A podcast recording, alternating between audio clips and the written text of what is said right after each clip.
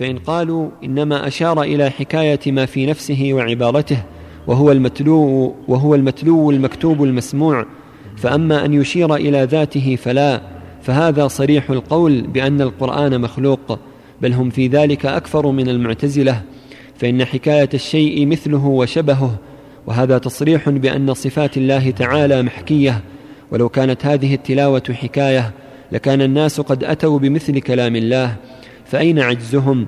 ويكون التالي في زعمهم قد حكى بصوت وحرف ما ليس بصوت وحرف وليس القرآن إلا سورا مسورة وآيات مسطرة في صحف مطهرة.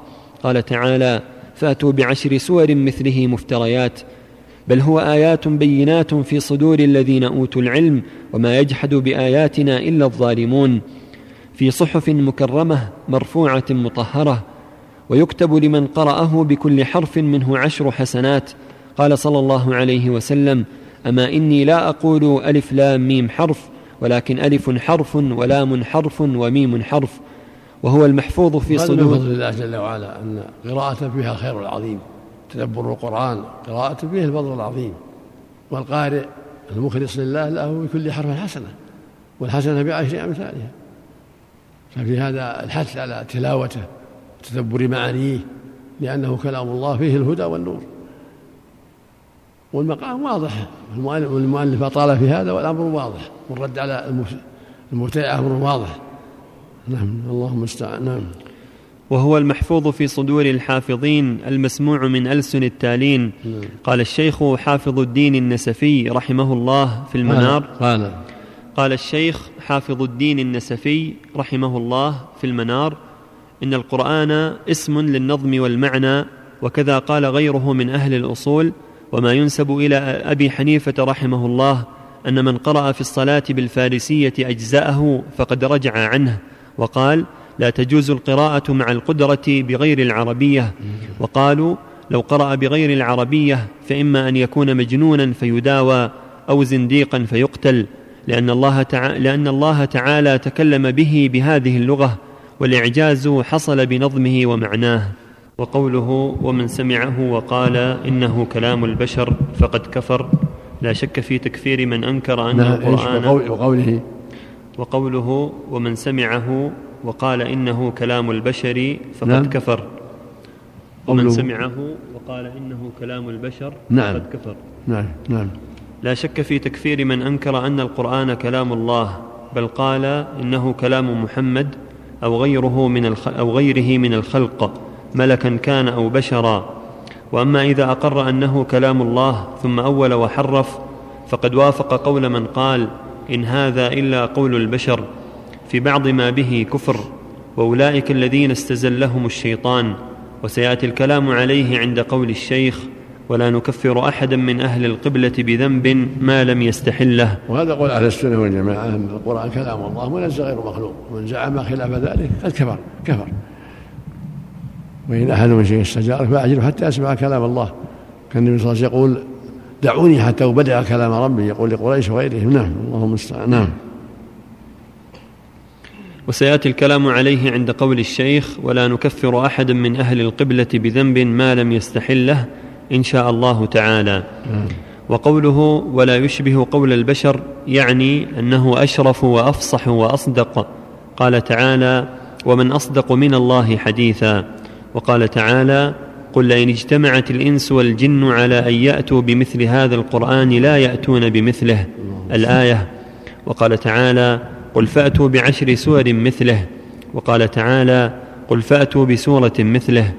فلما عجزوا وهم فصحاء العرب مع شدة العداوة عن الإتيان بسورة مثله تبين صدق الرسول صلى الله عليه وسلم أنه من عند الله وإعجازه من جهة نظمه ومعناه لا من جهة أحدهما فقط. هذا مع أنه قرآن عربي غير ذي عوج بلسان عربي مبين أي باللغة العربية. فنفي المشابهة من حيث التكلم ومن حيث النظم والمعنى لا من, لا من حيث الكلمات والحروف. وإلى هذا وقعت الإشارة بالحروف المقطعة في أوائل السور أي أنه في أسلوب كلامهم وبلغتهم التي يتخاطبون بها. ألا ترى أنه يأتي بعد الحروف المقطعة بذكر القرآن؟ كما في قوله تعالى ألف لام ميم ذلك الكتاب لا ريب فيه. ألف لام ميم الله لا إله إلا هو الحي القيوم. نزل عليك الكتاب بالحق. الآية ألف لام ميم صاد. كتاب أنزل إليك. الآية ألف لام راء. تلك آيات الكتاب الحكيم. وكذلك الباقي. ينبههم أن هذا الرسول الكريم لم يأتكم بما لا تعرفونه بل خاطبكم بلسانكم, بلسانكم. ولكن أهل المقالات الفاسدة يتذرعون بمثل هذا إلى نفي تكلم الله به.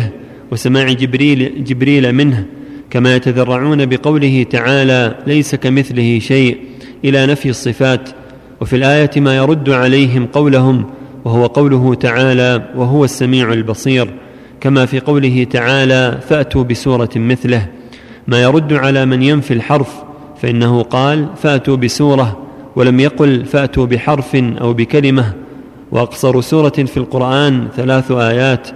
ولهذا قال أبو يوسف ومحمد رحمهما الله إن أدنى ما يجزئ في الصلاة ثلاث آيات قصار أو آية طويلة لأنه لا يقع الإعجاز بدون ذلك والله أعلم.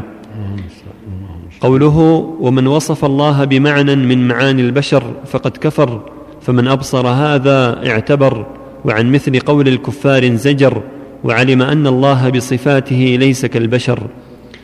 لما ذكر فيما تقدم أن القرآن كلام الله حقيقة منه بدا نبه بعد ذلك على أنه تعالى بصفاته ليس كالبشر نفيا للتشبيه عقيب الإثبات يعني أنه تعالى وإن وصف بأنه متكلم لكن لا يوصف بمعنى من معاني البشر التي يكون الإنسان بها متكلما.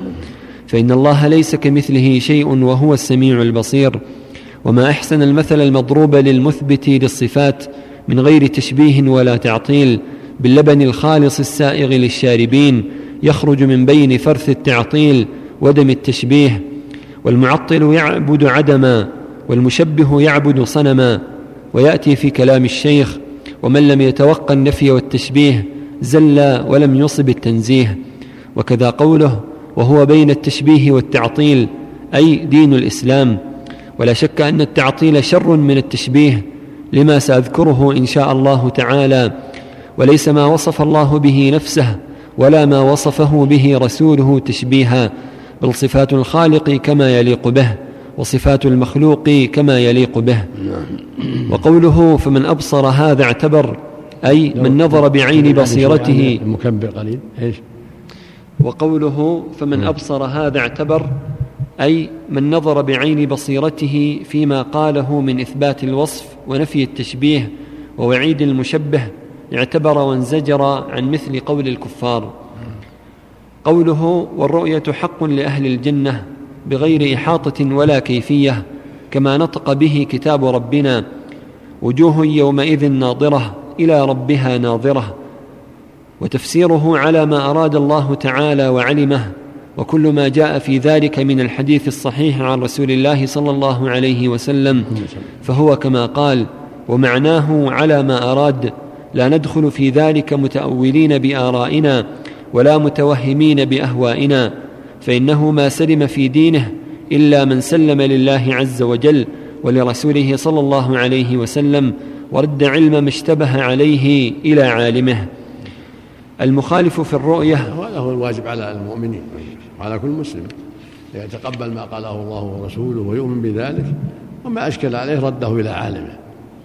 ولا يتأول كتاب الله بغير حق. بل يجب في الصفات والأسماء والكلام وكل شيء أن يؤمن بما ورد عن الله ورسوله ويسلم ذلك لله ورسوله. فيقول في الصفات ويقول في الكلام ويقول في غير ذلك ما قاله الله جل وعلا فيؤمن بأن الله تكلم بالقرآن وهو كلامه ويؤمن بأسماء الله وصفاته ويؤمن بعلوه فوق عرشه وهكذا. على وجه اللائق بالله سبحانه وتعالى. نعم. أحسن الله عليكم يقول بكلام الأشاعرة فإن الكلام كلام الله هو يعني القرآن أنه كلام جبريل. كل هذا باطل كل هذا باطل. هل تجزئ الصلاة خلف من يقول؟ لا لا ما يقول هذا. كافر. من أنكر أنه كلام الله وزعم أنه كلام جبريل أو حكاية وأن كلام الله معنى قائم بالله هذا معناه منكر للقرآن نعم. نسأل الله العافية. نعم.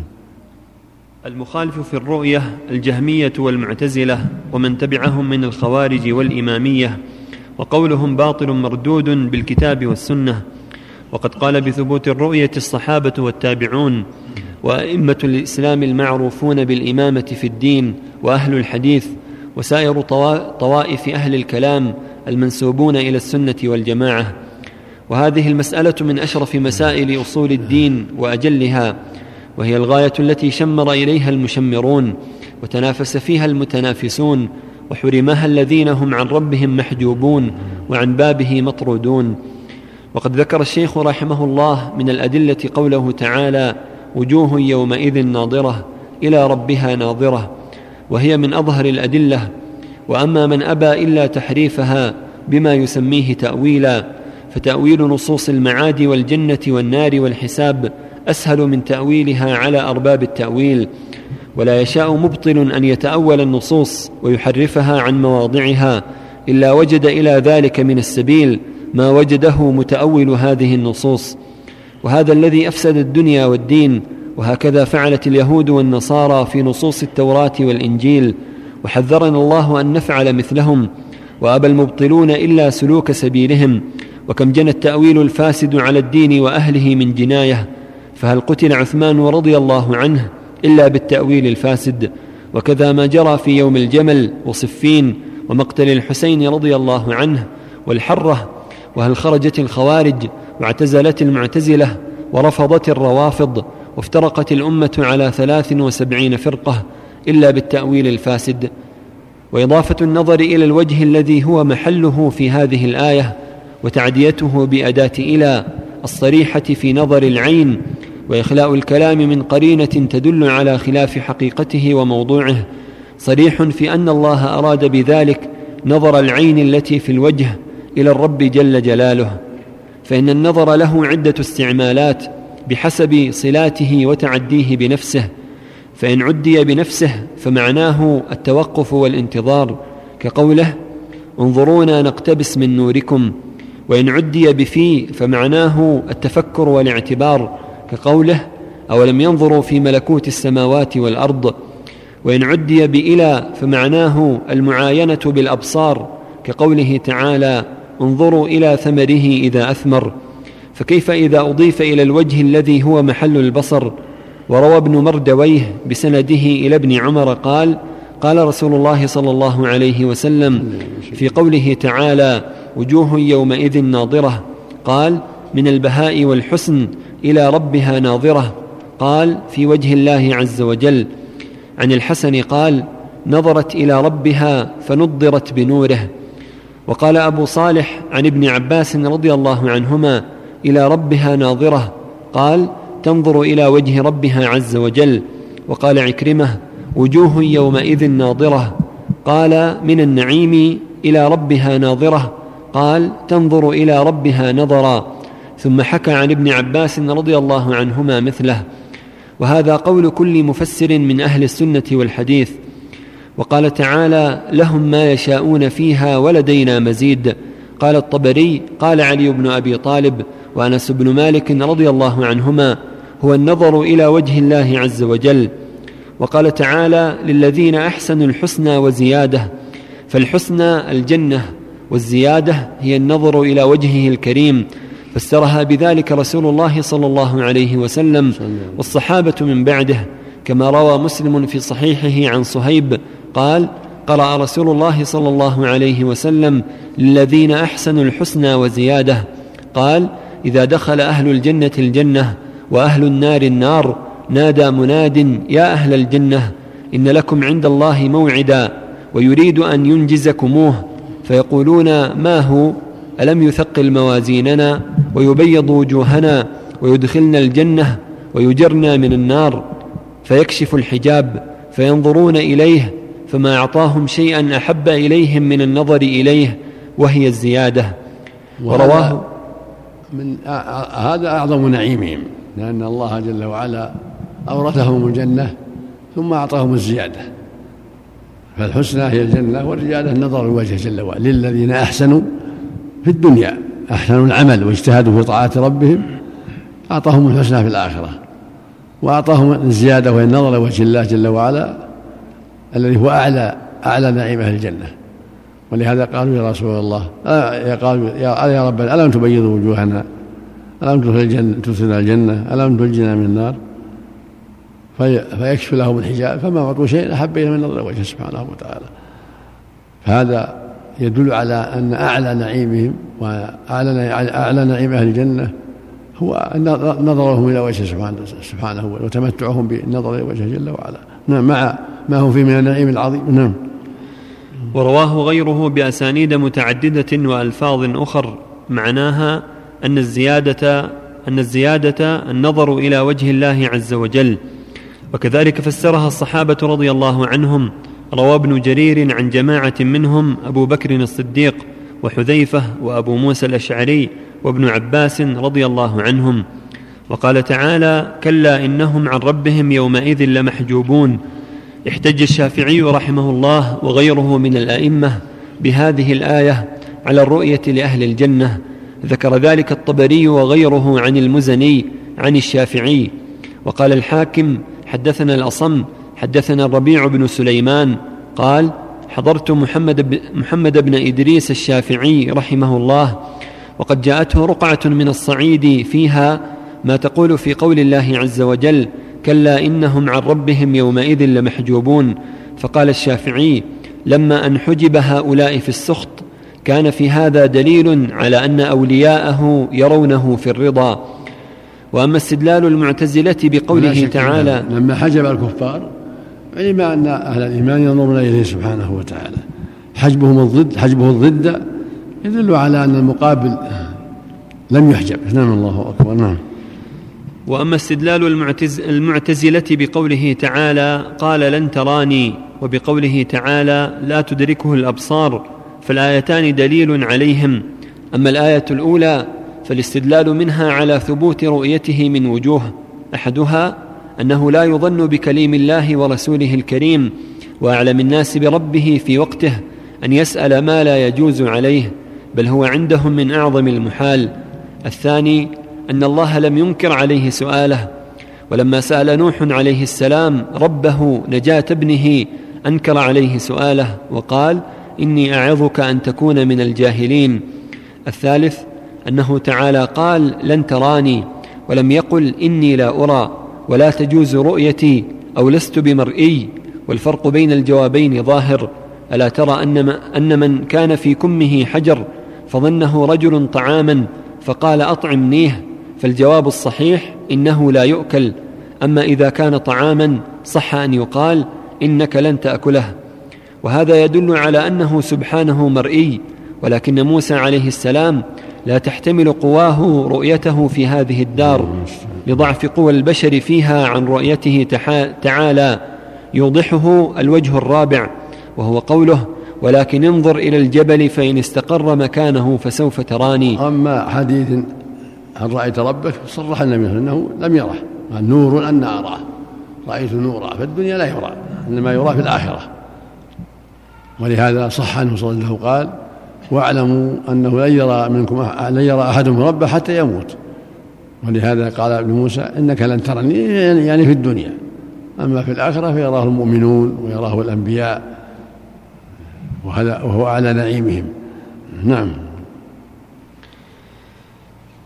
فاعلمه أن الجبل مع قوته وصلابته لا يثبت للتجلي في هذه الدار فكيف بالبشر الذي خلق من ضعف؟ الخامس أن الله سبحانه قادر على أن يجعل الجبل مستقرا وذلك ممكن وقد علق به الرؤية ولو كانت محالا. لكان نظير أن يقول إن استقر الجبل فسوف يشفع على كثير من الناس قول لا تدركه الأبصار.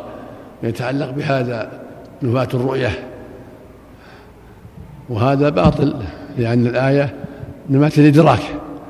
فهم يرونه ولا يحيطون به سبحانه وتعالى كما بينت عائشة رضي الله عنها.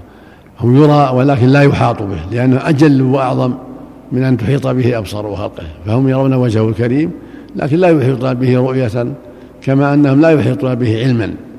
فهم يرون وجهه الكريم ولا يرون كما جميع ذاته سبحانه وتعالى إنما يرون وجهه الكريم الذي أطلعهم الله عليه جل وعلا. ولهذا قال لا تدركه الأبصار ولا فالإدراك أخص. أخص من الرؤية. الإنسان قد يرى الشيء ولكن لا يحيط به. هو يرى الشمس ويرى القمر ولا يحيط بها يرى النجوم ولا يحيط بها. قال تعالى فلما تراءى الجمعان قال أصحاب موسى إن لمدركون التراءي تراءوا. لكن بعيد هؤلاء بعيد عن هؤلاء ما أدركوهم. ولهذا فتح الله لهم البحر وأنجاهم وأغرق على فرعون. فدل على أن الرؤية غير الإدراك. فلما تراءى الجمعان قال أصحاب موسى إن لمدركون قال كلا إن ربي إنما ربي سيهدين. فهم يرونه سبحانه من من دون إحاطة ولا إدراك. نعم. أحسن الله إليكم يا شيخ. قول عائشة يعني ما ما ينفي أنها تثبت الرؤية في الآخرة يعني هذا مراد في الدنيا يعني لا يرى في الدنيا. أحسن نعم. ولو كانت محالا لكان نظير أن يقول إن استقر الجبل فسوف آكل وأشرب وأنام. والكل عندهم سواء. السادس قوله تعالى فلما تجلى ربه للجبل جعله دكا. فإذا جاز أن يتجلى للجبل الذي هو جماد لا ثواب له ولا عقاب فكيف يمتنع أن يتجلى لرسله وأوليائه في دار كرامته؟ ولكن الله تعالى أعلم موسى عليه السلام أن الجبل إذا لم يثبت لرؤيته في هذه الدار فالبشر أضعف. السابع أن الله كلم موسى وناداه وناجاه ومن جاز عليه التكلم والتكليم وأن يسمع مخاطبه كلامه بغير واسطة فرؤيته أولى بالجواز. ولهذا لا يتم إنكار رؤيته إلا بإنكار كلامه وقد جمعوا بينهما. وأما دعواهم تأبيد النفي بلن وأن ذلك يدل على نفي الرؤية. وأما دعواهم. وأما دعواهم تأبيد النفي بلن وأن ذلك إيش؟ تأبيد النفي بلن حرف الجر. نعم. أما دعواهم تأبيد النفي بلن. نعم ماشي نعم ماشي. هذا غلط. لن تراني ما هي للتأبيد. إن لن تراني في الدنيا. فقوله من أهل التأبيد هذا باطل. نعم. فإذا قلت لزيد لن تراني وأنت في الغرفة ما معناه تراني ما دمت في الغرفة؟ فإذا خرج رآه. هكذا إذا قال تراني وهو محتجب عنه بشيء آخر فإذا زال الحجاب راح. نعم. نعم. وأما دعواهم تأبيد النفي بلن وأن ذلك يدل على نفي الرؤية في الآخرة ففاسد. فإنها لو قيدت بالتأبيد لا يدل على دوام النفي في الآخرة. فكيف إذا أطلقت؟ قال تعالى ولن يتمنوه أبدا. مع قوله ونادوا يا مالك ليقض علينا ربك. ولأنها لو كانت للتابيد المطلق لما جاز تحديد الفعل بعدها وقد جاء ذلك قال تعالى فلن أبرح الأرض حتى يأذن لي أبي فثبت أن لن لا تقتضي النفي المؤبد. قال الشيخ جمال الدين بن مالك رحمه الله تعالى ومن راى النفي ومن رأى النفي بلن مؤبدا فقوله اردد وسواه فاعضدا. وأما الآية الثانية فالاستدلال بها على الرؤية من وجه حسن لطيف وهو أن الله تعالى إنما ذكرها في سياق التمدح ومعلوم أن المدح إنما يكون بالصفات الثبوتية وأما العدم المحض فليس بكمال فلا يمدح به وإنما يمدح الرب تعالى بالنفي إذا تضمن أمرا وجوديا كمدحه بنفي السنة والنوم المتضمن كمال القيومية ونفي الموت المتضمن كمال الحياة ونفي اللغوب والإعياء المتضمن كمال القدرة ونفي الشريك والصاحبة والولد والظهير المتضمن كمال ربوبيته وإلهيته. النفي المطلق ليس بكمال إنما يكون النفي مدح إذا كان يتضمن الكمال. صار مدحا. الموت لا نفي الموت يعني يتضمن الحياة الدائمة. كذلك قوله جل وعلا لا تأخذه سنة ولا نوم يتضمن الحياة الكاملة. ولا يؤوده حفظهما يتضمن القوة الكاملة. أما النفي اللي ما تضمن مدحا ما ليس به فليس بمدح. فلان لا يفهم هذا ما هو مدح. فلان لا لا يقوى على قيام ما ليس بمدح. نعم. نعم. ونفي الشريك والصاحبة والولد والظهير المتضمن كمال ربوبيته وإلهيته وقهره. ونفي الأكل والشرب المتضمن كمال صمديته وغناه. ونفي الشفاعة عنده إلا بإذنه. ونفي الشفاعة عنده إلا بإذنه المتضمن كمال توحيده كمال توحده وغناه عن خلقه.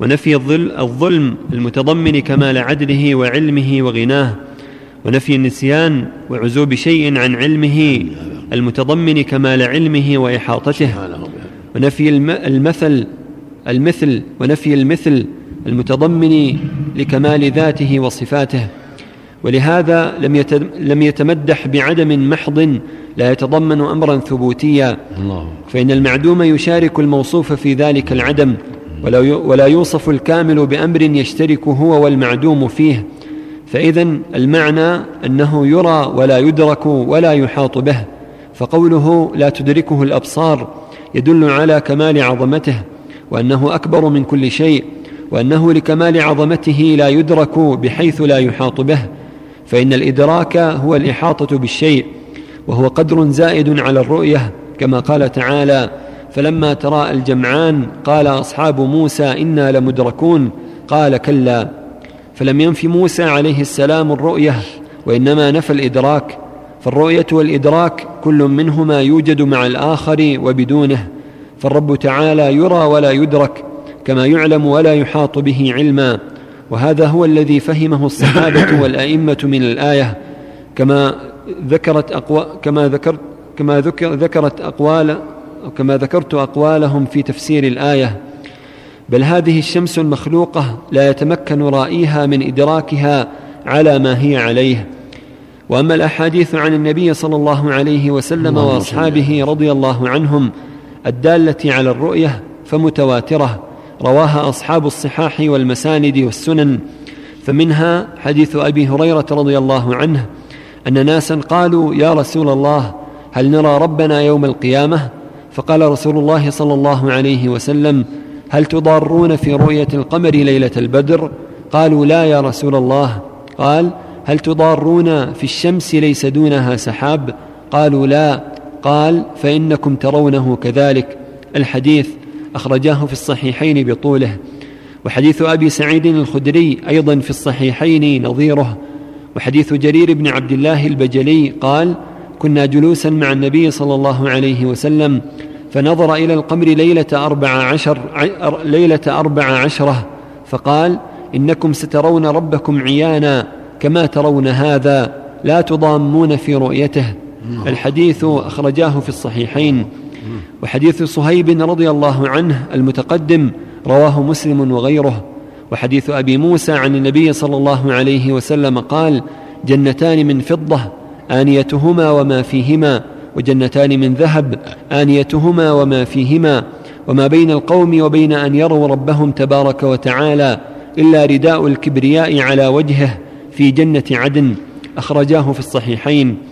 ومن حديث عدي بن حاتم رضي الله عنه ولا يلقين الله أحدكم يوم يلقاه وليس بينه وبينه حجاب ولا ترجمان يترجم له فلا يقولن ألم أبعث إليك رسولا فيبلغك؟ فيقول بلى يا رب. فيقول ألم أعطك مالا وأفضل عليك؟ فيقول بلى يا رب. الحديث أخرجه البخاري في صحيحه. وقد روى أحاديث الرؤية نحو ثلاثين صحابيا ومن أحاط بها معرفة يقطع بأن الرسول قالها. ولولا أني التزمت الاختصار لسقت ما في الباب من الأحاديث. ومن أراد الوقوف عليها فليواظب سماع الأحاديث النبوية فإن فيها مع إثبات الرؤية أنه يكلم من شاء إذا شاء وأنه يأتي الخلق لفصل القضاء يوم القيامة وأنه فوق العالم وأنه يناديهم بصوت يسمعه من بعد كما يسمعه من قرب وأنه يتجلى لعباده وأنه يضحك إلى غير ذلك من الصفات التي سماعها على الجهمية بمنزلة الصواعق. وكيف تعلم أصول دين الإسلام من غير كتاب الله وسنة رسوله؟ وكيف يفسر كتاب كتاب الله بغير ما فسره به رسوله صلى الله عليه وسلم وأصحاب رسوله الذين نزل القرآن بلغتهم؟ وقد قال صلى الله عليه وسلم من قال في القرآن برأيه فليتبوأ مقعده من النار وفي رواية من قال في القرآن بغير علم فليتبوأ مقعده من النار. وسئل أبو بكر الصديق رضي الله عنه عن قوله تعالى وفاكهة وأبا ما الأب؟ فقال أي سماء تظلني وأي أرض تقلني إذا قلت في كتاب الله ما لا أعلم. وليس تشبيه رؤية الله تعالى برؤية الشمس والقمر تشبيها لله بل هو تشبيه الرؤية بالرؤية لا تشبيه لا تشبيه المرئي بالمرئي ولكن فيه دليل على علو الله على خلقه. وإلا فهل تعقل رؤية بلا مقابلة؟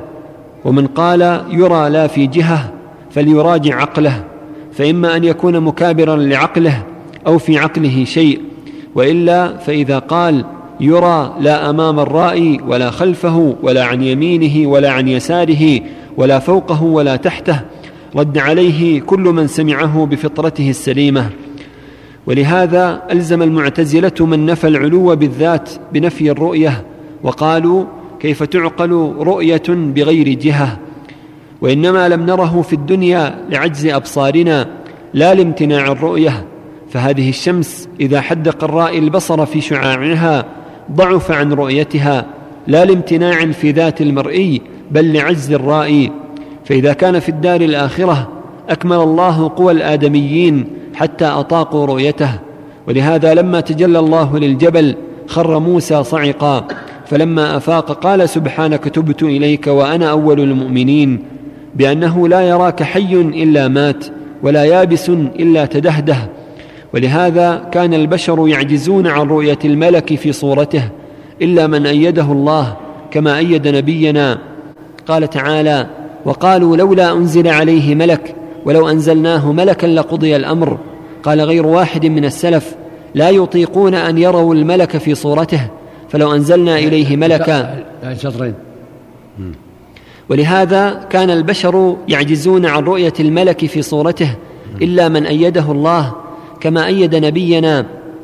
قال تعالى وقالوا لولا أنزل عليه ملك ولو أنزلنا ملكا لقضي الأمر. تعالى قال تعالى وقالوا لولا أنزل عليه ملك نعم. ولو أنزلنا ملكا لقضي الأمر. قال غير واحد من السلف لا يطيقون أن يروا الملك في صورته فلو أنزلنا إليه ملكا لجعلناه في صورة بشر وحينئذ يشتبه عليهم هل هو بشر أو ملك. ومن تمام نعمة الله علينا أن بعث فينا رسولا منا. وما ألزمهم المعتزلة هذا الإلزام إلا لما وافقوهم على أنه لا داخل العالم ولا خارجه لكن قول من أثبت موجودا يرى لا في جهة أقرب إلى العقل من قول من أثبت موجودا قائما بنفسه لا يرى ولا في جهة. ويقال لمن قال بنفي الرؤية لانتفاء لازمها وهو الجهة أتريد بالجهة أمرا وجوديا أو أمرا عدميا؟ فإن أردت بها أمرا وجوديا كان التقدير كل ما ليس في شيء موجود لا يرى. وهذه المقدمة ممنوعة ولا دليل على إثباتها بل هي باطلة. فإن سطح العالم يمكن أن يرى وليس العالم في عالم آخر. وإن أردت بالجهة امرا عدميا كانت المقدمة الثانية ممنوعة. فلا نسلم أنه ليس في جهة بهذا الاعتبار. أحسن الله عليكم يا شيخ. قولها صلى الله عليه وسلم يا شيخ في حديث الرؤيا. نعم. في حديث الرؤيا أن الله ياتي يأتيهم في صورة غير التي يعرفونها. هذا يعني يعرف هذه أهل الموقف يعني من المؤمنين اللي وصفها لهم جل وعلا حتى يكشف عن سائر بعدما رأوه في الموقف يعني. اللي وعدهم على لسان الرسل عليهم الصلاة والسلام. نعم. وكيف يتكلم في أصول الدين؟ نعم. من لا يتلقاه من الكتاب والسنة نعم. وإنما يتلقاه من قول فلان. وإذا زعم أنه يأخذه من كتاب الله لا يتلقى تفسير كتاب الله من أحاديث الرسول. ولا ينظر فيها ولا فيما قاله الصحابة والتابعون لهم بإحسان المنقول إلينا عن الثقات النقلة الذين تخيرهم النقاد فإنهم لم ينقلوا نظم القرآن وحده بل نقلوا نظمه ومعناه ولا كانوا يتعلمون القرآن كما يتعلم الصبيان بل يتعلمونه بمعانيه ومن لا يسلك سبيلهم فإنما يتكلم برأيه ومن يتكلم برأيه وما يظنه دين الله ولم يتلق ذلك من الكتاب والسنة فهو مأثوم وإن أصاب. ومن أخذ من الكتاب والسنة فهو مأجور وإن أخطأ. لكن إن أصاب يضاعف أجره. ولا شك إن أهل الكلام ما عندهم إلا الاراء الباطلة وإنما المعول في هذا على الأدلة الشرعية والأخذ من الكتاب والسنة. أما الآراء المجردة فلا قيمة لها ولا كما يفعل أئمة الكلام. الخوارج والمعتزلة والجهمية وغيرهم فهم بهذا قد فارقوا أهل السنة والجماعة وإنما الحق هو الأخذ بالأدلة من الكتاب والسنة لا من آراء الرجال المجردة نعم.